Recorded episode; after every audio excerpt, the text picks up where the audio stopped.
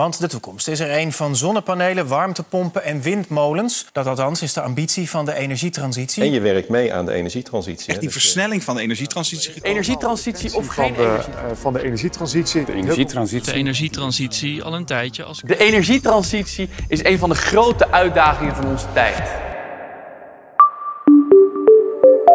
De energietransitie. Een immense klus die niet voor ons ligt, maar waar we inmiddels middenin zitten.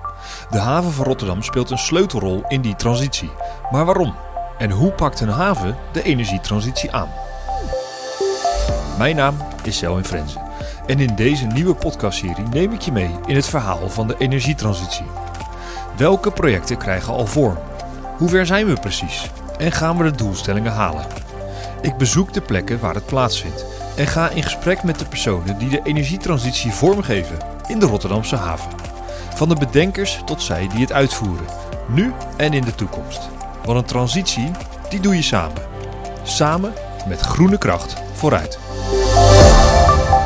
Abonneer je nu en luister naar Met Groene Kracht vooruit via portervrotterdam.com slash podcast of via jouw favoriete podcast app.